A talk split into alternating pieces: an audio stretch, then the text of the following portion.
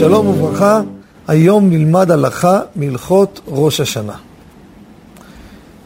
כידוע, מגיע חג ראש השנה זה יום טוב, כל אישה מדליקה נרות יום טוב, להדליק נר של יום טוב.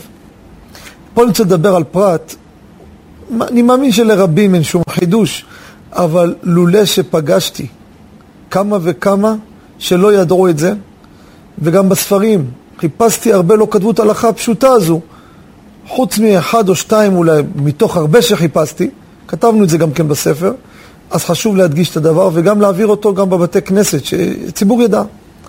אתם יודעים, ראש השנה זה יומיים. נכון, יומיים אלו נקראים יום האריכתא, יום אחד ארוך.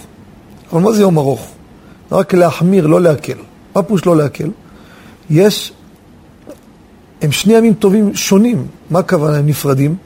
אסור לעשות פעולה מיום אחד ליום השני, זה דוגמה. כי זה יום, יום אחר לגמרי.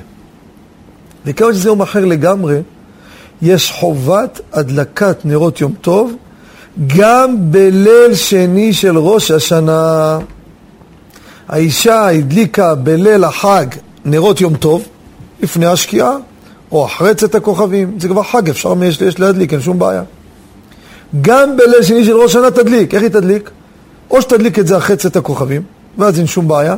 אם היא מדליקה לפני השקיעה, אז חייבים לדאוג שהבית כולו יהיה חשוך.